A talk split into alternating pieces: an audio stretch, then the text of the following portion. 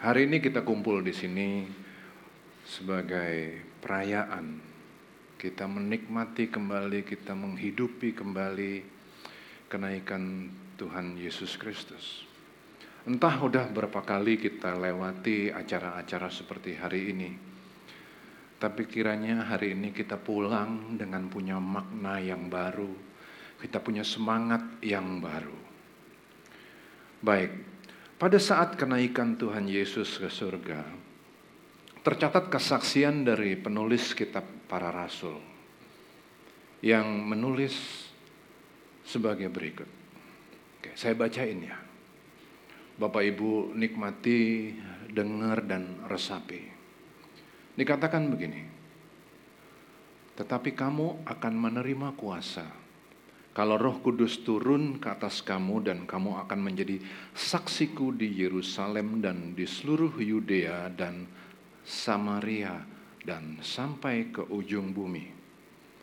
Sesudah ia mengatakan demikian, terangkatlah dia disaksikan oleh mereka dan awan menutupnya dari pandangan mereka. Luar biasa. Ketika mereka sedang menatap ke langit, makin bengong, Waktu ia naik itu, kagum mereka. Tiba-tiba berdirilah dua orang berpakaian putih dekat mereka. Dan berkata kepada mereka, Hei, orang-orang Galilea, mengapa kamu berdiri melihat ke langit? Kok bengong sih? Yesus ini yang terangkat ke surga meninggalkan kamu kita baca sama-sama. Satu, dua, tiga. Akan datang kembali dengan cara yang sama seperti kamu melihat dia naik ke surga. Nah, tahun 70-an Klus Plus bikin lagu Andaikan Kau Datang Kembali. Apa yang saya sampaikan hari ini saya kasih judul Ketika Dia Datang Kembali. Kalau Klus Plus itu kan andai kan belum tentu kan. Kalau kita ketika dia datang kembali. Karena jadi problem nih nanti. Dia yang tadi naik itu pada suatu hari akan datang kembali. Ketika dia datang kembali, dia tuh kepingin datang kepada orang yang mengenal dia. Saya ulangin, mengenal dia. Sama-sama kita katakan, yang mengenal dia. Ulang lagi satu kali lagi, yang lebih keras mengenal dia. Lah kalau dia datang kepada orang yang nggak kenal, ini gawat.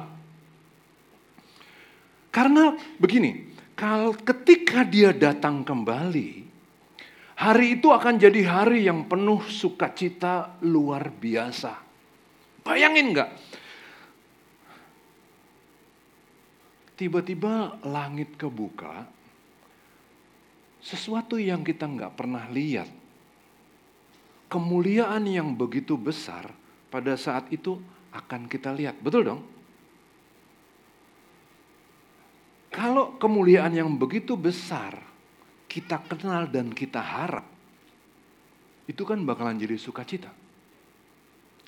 Kebayang nggak kalau ketika itu terjadi, orang tidak mengenal dia itu bakalan jadi hari yang paling menakutkan.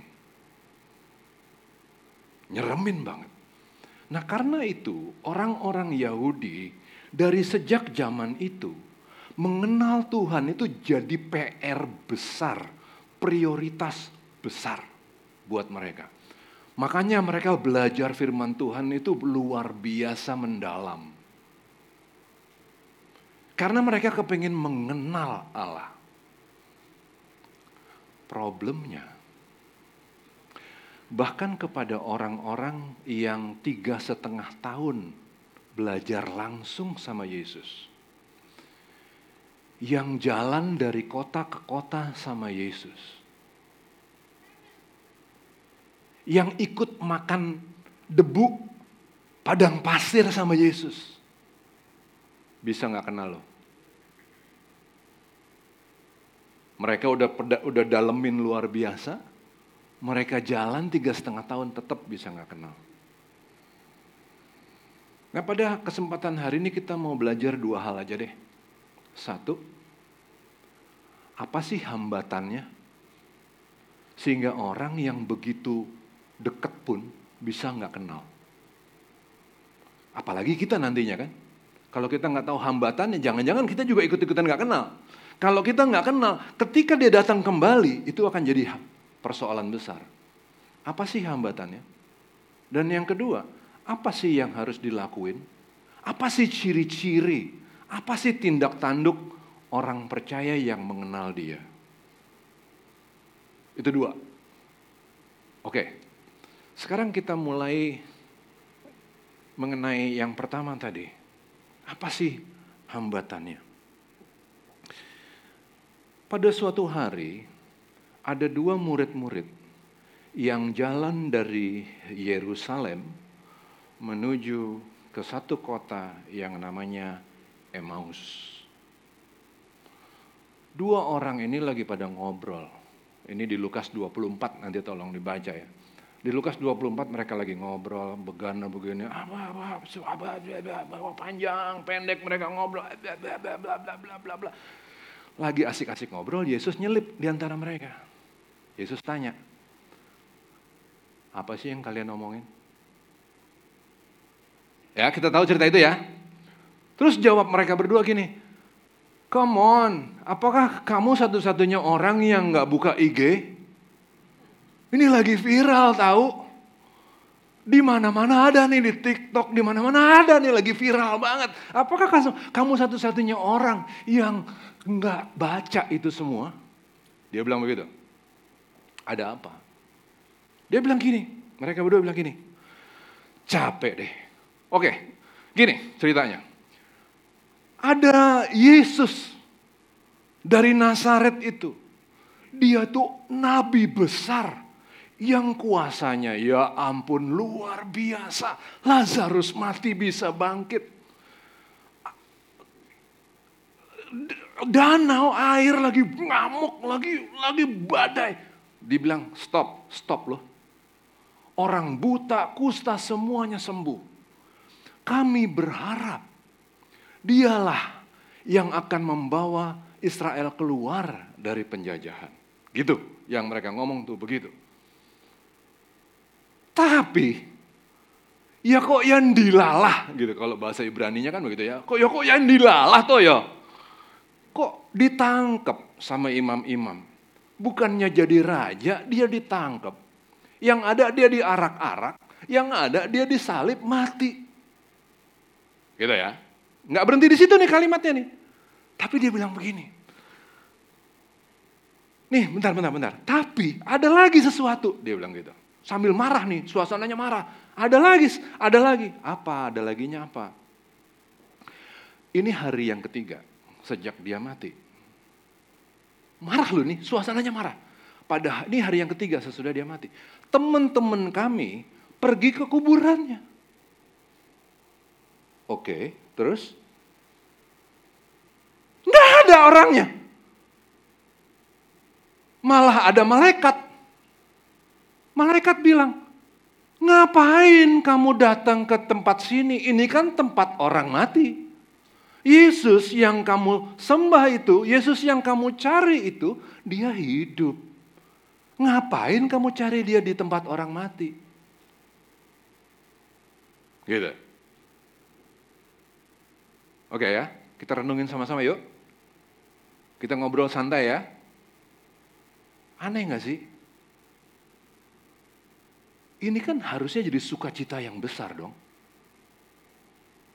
Dari sejak dia masih hidup, dia selalu bilang, aku harus pergi, aku akan disiksa, aku akan mati, pada hari yang ketiga, aku akan bangkit. Berkali-kali dia ngomong begitu. Benar ya? Sekarang kejadian. Malaikat pula yang ngomong sama mereka. Tunjuk jari. Siapa yang pernah diajak ngobrol sama malaikat di antara kita? Yang kita bisa ngeliat gitu. Malaikat pakai baju bergemilau-gemilau. Ada yang pernah lihat? Kalau sampai ada. Dan kemudian dia bilang, Yesus yang kamu cari udah bangkit.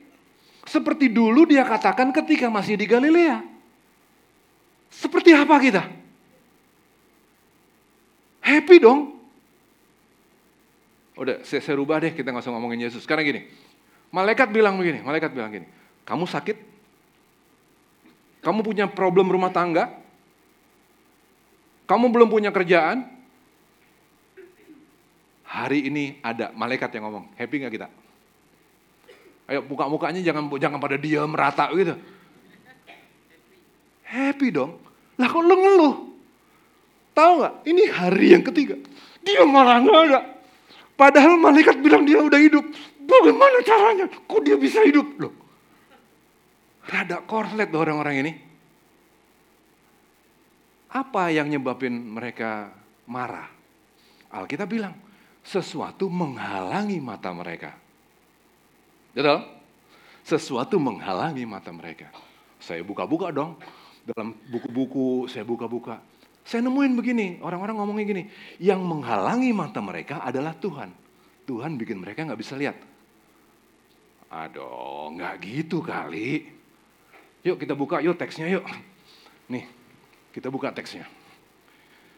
Kita buka teksnya. Lukas 24 ayat 16. Lukas 24 ayat 16. Satu, dua, tiga. Tetapi yang menghalangi mata mereka sehingga mereka tidak dapat mengenal dia. penulis-penulis kayak Cleverly Ford, Knowles, Tuhan yang nutup mata mereka. Kita dalamin yuk. Kita buka lagi Lukas 24 ayat 21. Lukas 24 ayat 21, silakan dibaca. Satu, dua, tiga. Mengharapkan bahwa dialah yang Tetapi, oke okay, stop. Nggak, nggak, nggak usah dari tempat lain. Dari ayat ini aja. Apa sih sebetulnya yang menghalangi mata mereka? Ada yang bisa jawab? Apa, Son? Pengharapan, expectation. Mereka punya expectation. Mereka punya harapan. Padahal harapan kan berapa, berapa kali sih harapan kita itu sesuai sama kenyataan.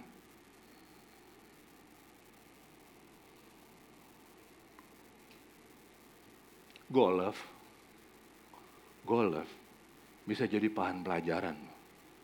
Permainan sederhana yang mainin bola kecil tuh.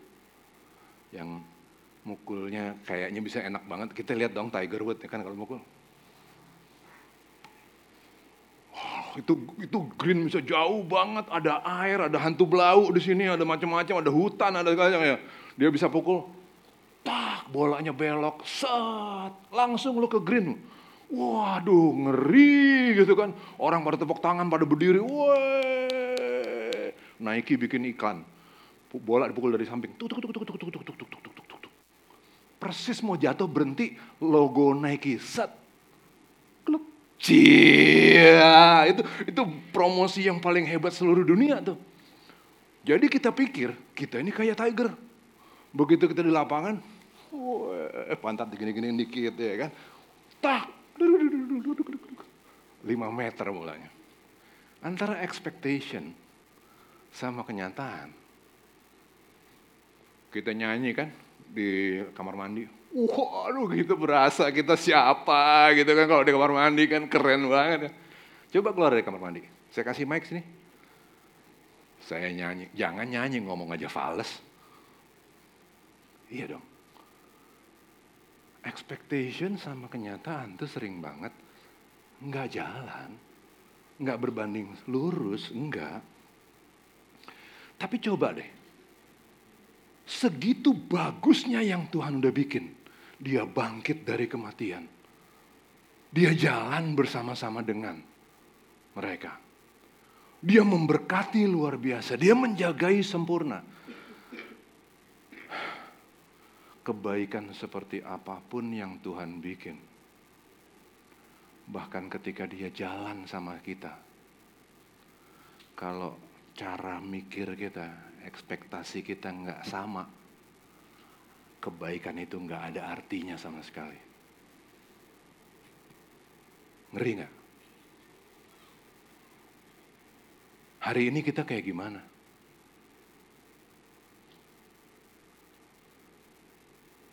Tuhan udah kirimin malaikatnya buat jagain kita sempurna. Lewat saudara-saudara kita, lewat orang tua kita, lewat komunitas, lewat temen. Kalau ekspektasi kita nggak nggak real, itu semua kebaikan jadi nggak ada apa-apanya. Nol. Yang ada kita nyalahin Tuhan. Kenapa dia bangkit? Kok kenapa dia bangkit gimana sih? Kami pergi ke kuburan, teman-teman kami jadi saksi. Bukan cuma satu, rame-rame. Mereka tahu Yesus nggak ada, Yesus sudah bangkit. Kok jadi marah sih? Kebaikan apa coba yang Tuhan bisa bikin sama kita? Kalau kita nggak selarasin ekspektasi kita sama kenyataan yang dia siapin. Nggak akan ada kebaikan yang bisa kita syukurin.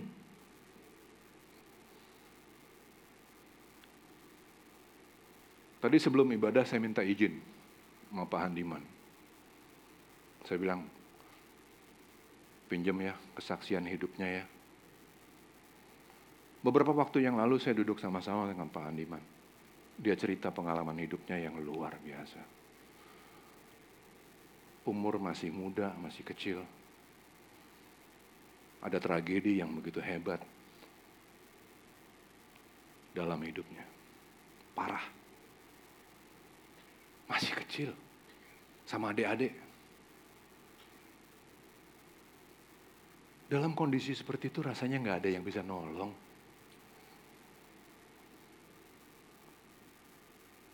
Nggak ada yang bisa nolong. Ekonomi, pokoknya berantakan deh.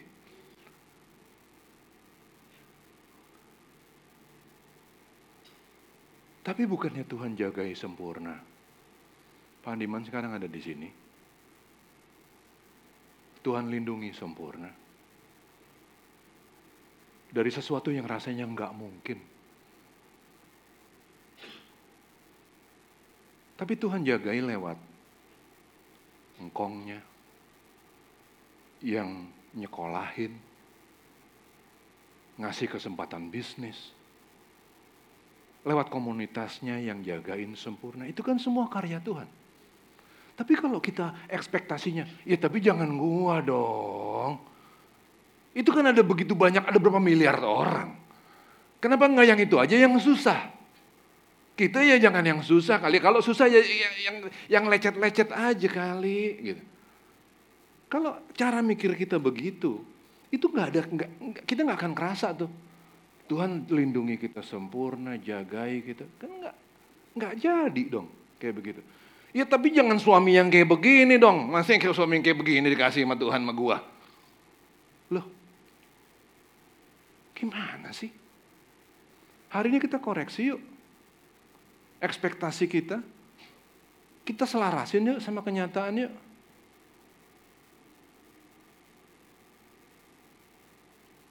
Jangan-jangan suami dan istri yang nyebelin ini justru cara Tuhan untuk jagain kita sempurna.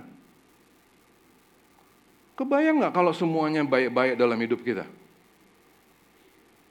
Hari ini mungkin kita nggak di gereja,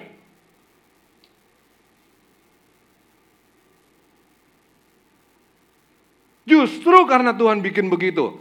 Hari ini kita di gereja. Coba kita lihat kanan kiri kita, suami dan istri kita.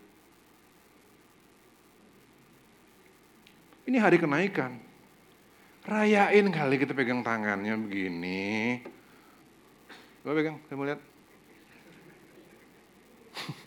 Jangan aneh-aneh deh. Pegang.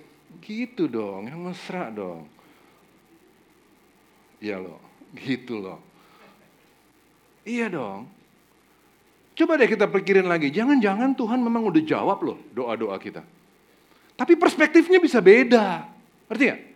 Kita berdoa, Tuhan beri kami kekuatan. Dijawab sama dia. Bentuknya, ya suami dan istri ini. Di, kita minta kekuatan. Yang dia kasih beban. Dikasih beban kita marah lagi, tapi kita minta kekuatan Tuhan. Bro, minta kekuatan harus angkat dong. Kalau gak diangkat mana ada kekuatan? Aneh deh. Jadi yang dikasih apa? Suami dan istri untuk saling mengasah. Besi menajamkan besi, manusia menajamkan sesamanya. Dijawab, tapi caranya nggak seperti yang kita mau. Begitu ekspektasi kita nggak sesuai sama kenyataan, masa Tuhan yang salah? Hari ini kita bertobat. Jangan bikin-bikin begitu lagi. Yang kedua yang jadi masalah adalah selain ekspektasi, kepentingan diri. Nah, dalam kalimat yang diucapin sama dua murid itu, dia bilang begini, padahal kami dulu mengharapkan bahwa dialah yang datang untuk membebaskan Israel. Apa sih yang diharap? Kan jadi menteri, Pak Bambang minggu lalu kan udah ngomong, apa sih yang diharap? Supaya siapa yang duduk di kanan, siapa yang duduk di kiri, siapa yang terbesar, siapa yang termulia dalam kerajaan surga, siapa yang pantas jadi menteri untuk Yesus, kan begitu yang dimasalahin. Bukannya salah untuk berharap jadi menteri, bukannya salah. Pak Bambang kemarin juga udah ngomong kan. Tapi tujuannya apa? Dan caranya gimana? Nah sekarang kalau ekspektasi, ekspektasi dicampur sama kepentingan, itu kan koktail yang luar biasa mematikan. Udahlah ekspektasi ditambah sama kepentingan diri. Kelar loh. Nggak ada yang bener udah. Kita mau datengin orang sakit, orang udah tinggal mau meninggalnya aja. Kita salamin, kita rangkul, cium dahinya. Itu pun bisa jadi salah. Tuh dia datang, Bukan buat nyalamin tuh mah. Cuma jaim doang. Kok jadi jaim sih? Orang udah mau mati, kita rangkul, salah juga. Macam-macam bisa jadi salah. Oh, pelayanan di gereja ini paling sama sama gereja lain. Enggak kali. Mikirnya jahat bener. Bisa begitu. Kalau ekspektasi sama kepentingan diri nyampur. Wah, udah. Kusut.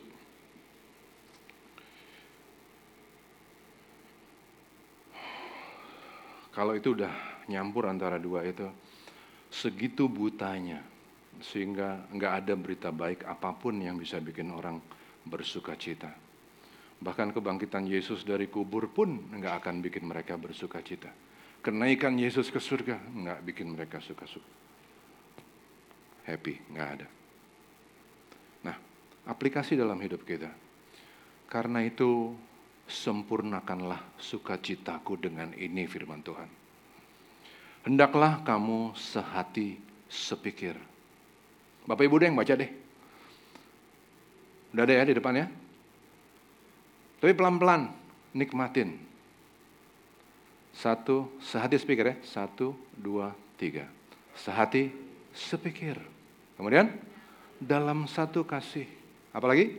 Satu jiwa. Terus, satu tujuan. Kenceng yang ini. Dengan tidak, ayo, ayo. Satu, dua, tiga. Kenceng sekenceng-kencengnya. Satu, dua, tiga. Atau puji-pujian yang sia-sia. Lanjut lagi. Lebih kenceng lagi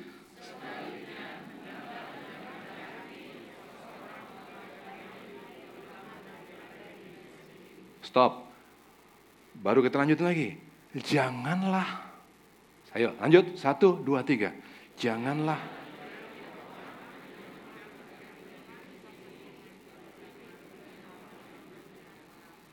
Nah, mungkin di antara kita hari ini ada yang datang dengan banyak persoalan, dengan beban hidup dan lain-lain. Saya berdiri di sini, beban saya juga banyak. Khotbah itu gampang. Gampang banget. Tapi dalam kenyataan hidup, ngelaksanain khotbah itu setengah mati susahnya. Hari ini banyak banget persoalan yang saya hadepin yang rasanya saya pengen teriak. Yang saya rasanya kepengen ngelawan. Rasanya kepengen saya pegang leher orang. Lu nggak lihat sisa-sisa muka gue bengisnya masih ada kali ini. Bisa banget gue bikin begitu. Tapi masalahnya, kalau itu yang saya lakuin, apakah saya jadi contoh? Hendaklah kamu sehati, sepikiran, satu tujuan yang manis-manis begitu. Pikirin dulu bukan yang nggak boleh mukul juga. Kadang-kadang emang kalau harus mukul kita pukul. Tapi kalau masih bisa ditahan, direm, nanti dulu kali lah udah. Perhatiin dulu yuk sama-sama yuk gini. Satu kita perhatiin. Ekspektasi kita ini udah sesuai kenyataan belum sih? Jangan-jangan kita yang selalu punya prasangka. Prasangka kepada orang lain, prasangka ke Tuhan. Koreksi itu dulu. Tuhan tuh lagi bikin renovasi loh dalam hidup kita. Pak Bambang minggu lalu bilang gini, kita ini manusia, manusia zaman lalu. Yang kita ingat tuh apa yang kita alami. Yang ngebentuk kita tuh apa yang kita alami di masa lalu. Tuhan lagi mau bawa kita ke masa depan. Kita takut untuk melangkah ke sini karena kemarin kita dicurangin. Karena kita kemarin dibikin begitu. Karena kita ta, eh, tapi, tapi, tapi takut takutnya tapi tapi ini ini kita nih hari ini. Curiga sana sini, segala macam nih. Tawar hati, asem, kecut, di sini semua nih. Nah, Tuhan lagi renovasi itu lewat apa yang kita alami. Itu bukan murka Tuhan, bukan kutuk. Bukan persiapan Tuhan bawa kita ke neraka, enggak. Ini renovasi, apa sih yang yang bagus dilihat kalau lagi direnovasi kan enggak ada. Semuanya kan hancur-hancuran. Tapi dia lagi bawa kita ke sana. Yuk kita rubah dulu yuk cara mikir kita yuk. Ada nggak sih selain ekspektasi, ada nggak sih kepentingan diri kita nih? Yang bikin kita jadi super egois. Aduh, kepentingan dirinya ada nggak sih? Kalau ada juga nggak apa-apa. Semua orang lagi direnovasi. Murid-murid bikin salah. Murid-murid bikin salah.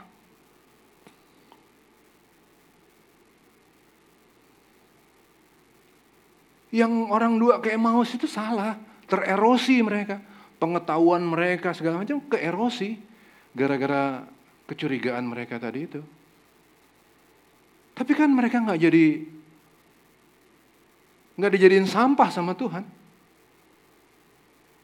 Mereka terus-terusan direnovasi.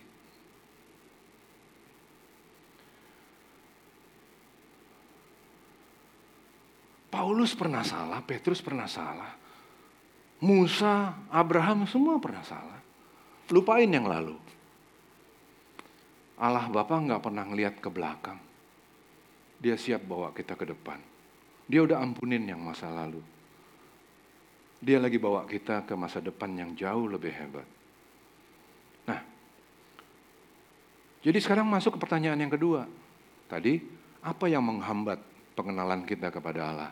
Ekspektasi dan kepentingan diri. Nah sekarang, kalau kita sebagai orang yang percaya dan mengenal Allah, lalu seperti apa sih ciri-cirinya? Tindak tanduknya seperti apa? Gitu. Ciri-cirinya adalah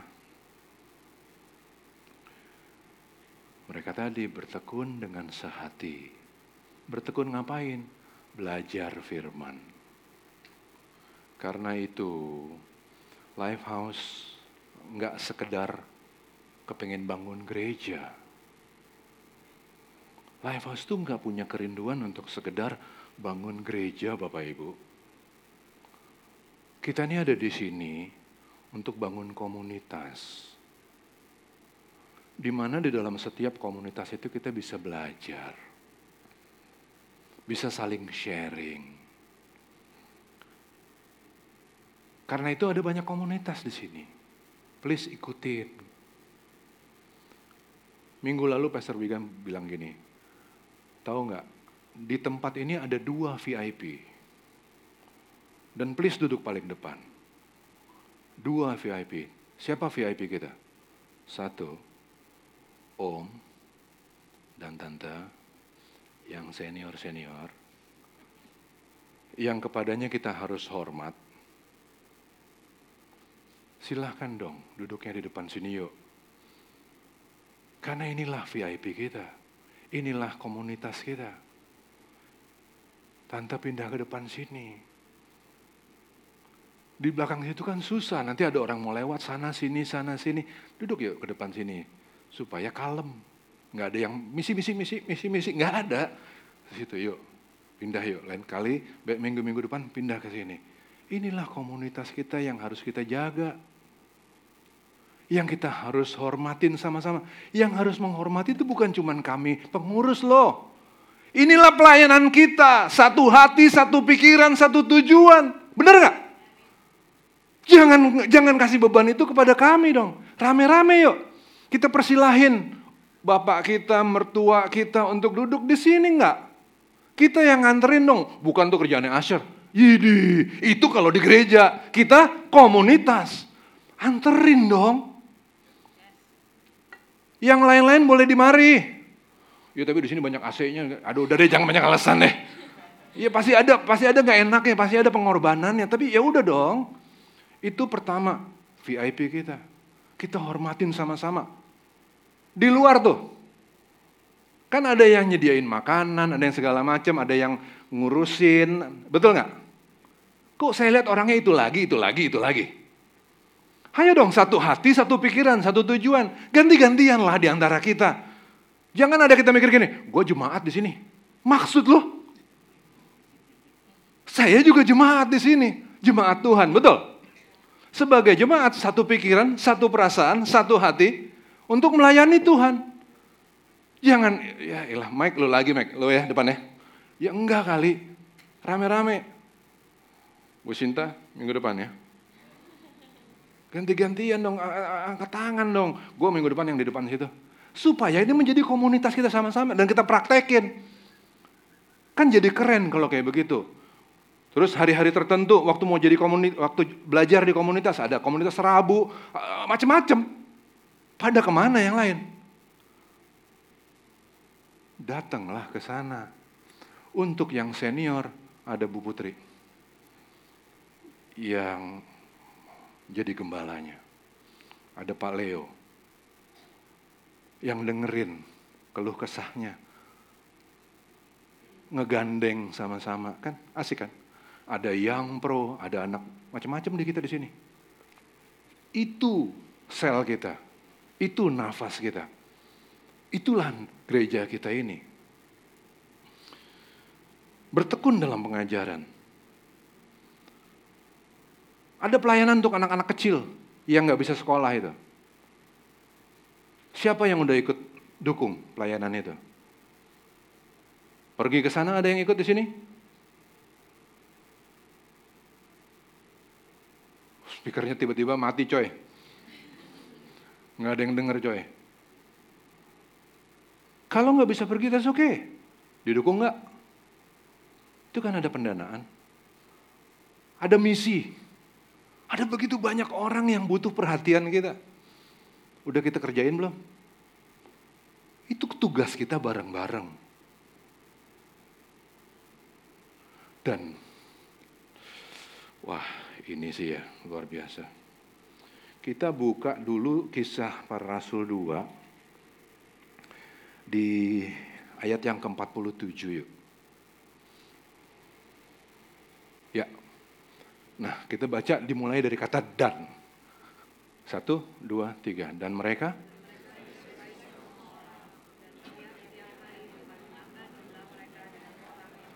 Perhatiin di sini.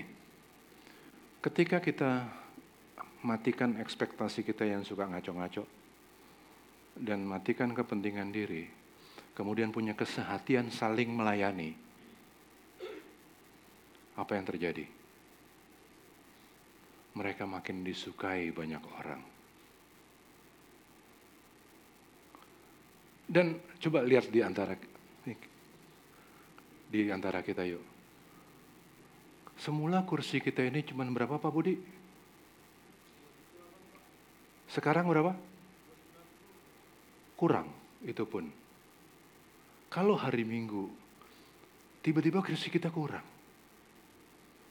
Kita ini nggak pernah berharap, betul-betul jujur nggak pernah berharap bahwa gereja ini akan menambah banyak segini banyak orang, apalagi segini cepatnya. Gak pernah berharap. Tapi rupanya ada kegerakan Tuhan di sini. Amin. Amin nggak? Ada kegerakan Tuhan itu di sini. Amin. Ini baru separuh jalan loh. Kita baru mungkin roda tuh baru bergulir sedikit. Tuhan tambahin jiwa-jiwa terus, betul gak? Kalau ini menjadi pelayanan kita sama-sama, sama-sama nih, kata, kata, kata kuncinya sama-sama nih. Nggak ada cerita jemaat, nggak ada cerita pengurus. Semua kita adalah satu, dua, tiga. Jemaat. Saya juga jemaat. Kalau kita semua jemaat di sini, apa yang Tuhan bilang di situ? Tuhan, lanjut, menambah. Nambah kita juga bukannya kepengen-kepengen amat, enggak. Ruangan kita cuma segini.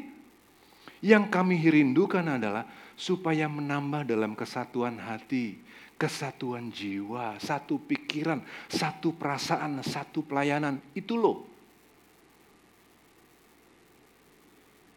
Enggak nyari persembahan, enggak. Bukan itu yang kita cari. Kesatuan. Dan kemudian sama-sama kita tolong orang lain. Amin. Persoalan kita, Pak Haniman jadi saksi. Tuhan tolong. Yang lain juga punya banyak kesaksian. Tuhan tolong. Indah sama Reman. Punya banyak pengalaman. Pertolongan Tuhan yang luar biasa. Betul kan? Don't worry about us. Kita aman dalam perlindungan Tuhan. Hem, kita nyanyiin lagu yuk Hem, yang itu. Kidung Jemaat 410. Nah, Kidung Jemaat Tuhan 410. Tenanglah kini hatiku, Tuhan memimpin langkahku. Mulai hem, mulai hem. Lihat, tenangin aja hati kita. Kita nyanyi yuk, mulai yuk. Saya kalau ngomong aja falas soalnya, jadi nggak pede nyanyi. Kita matiin lampu yuk. Supaya kita lebih bisa berasa. Tenangin yuk hati kita yuk. Tuhan tuh lindungin kita sempurna loh. Jangan rusak hubungan kita sama Tuhan karena kitanya yang curiga banget sama dia. Norak. Yuk, hem, mulai hem matiin dulu lampunya supaya lebih gimana gitu. Kita rasain yuk. Kita berdiri. Kita nyanyiin dengan tenang, khusyuk. Kita bikin kenaikan ini jadi perayaan yang gak sekedar seperti yang kemarin-kemarin. Tapi yang berbekas dalam hati kita. Kita tutup mata. Nggak usah lihat kiri kanan deh. Kita tegur diri kita sendiri kalau kita salah kita berdoa untuk kita supaya kita terus direnovasi sama Tuhan.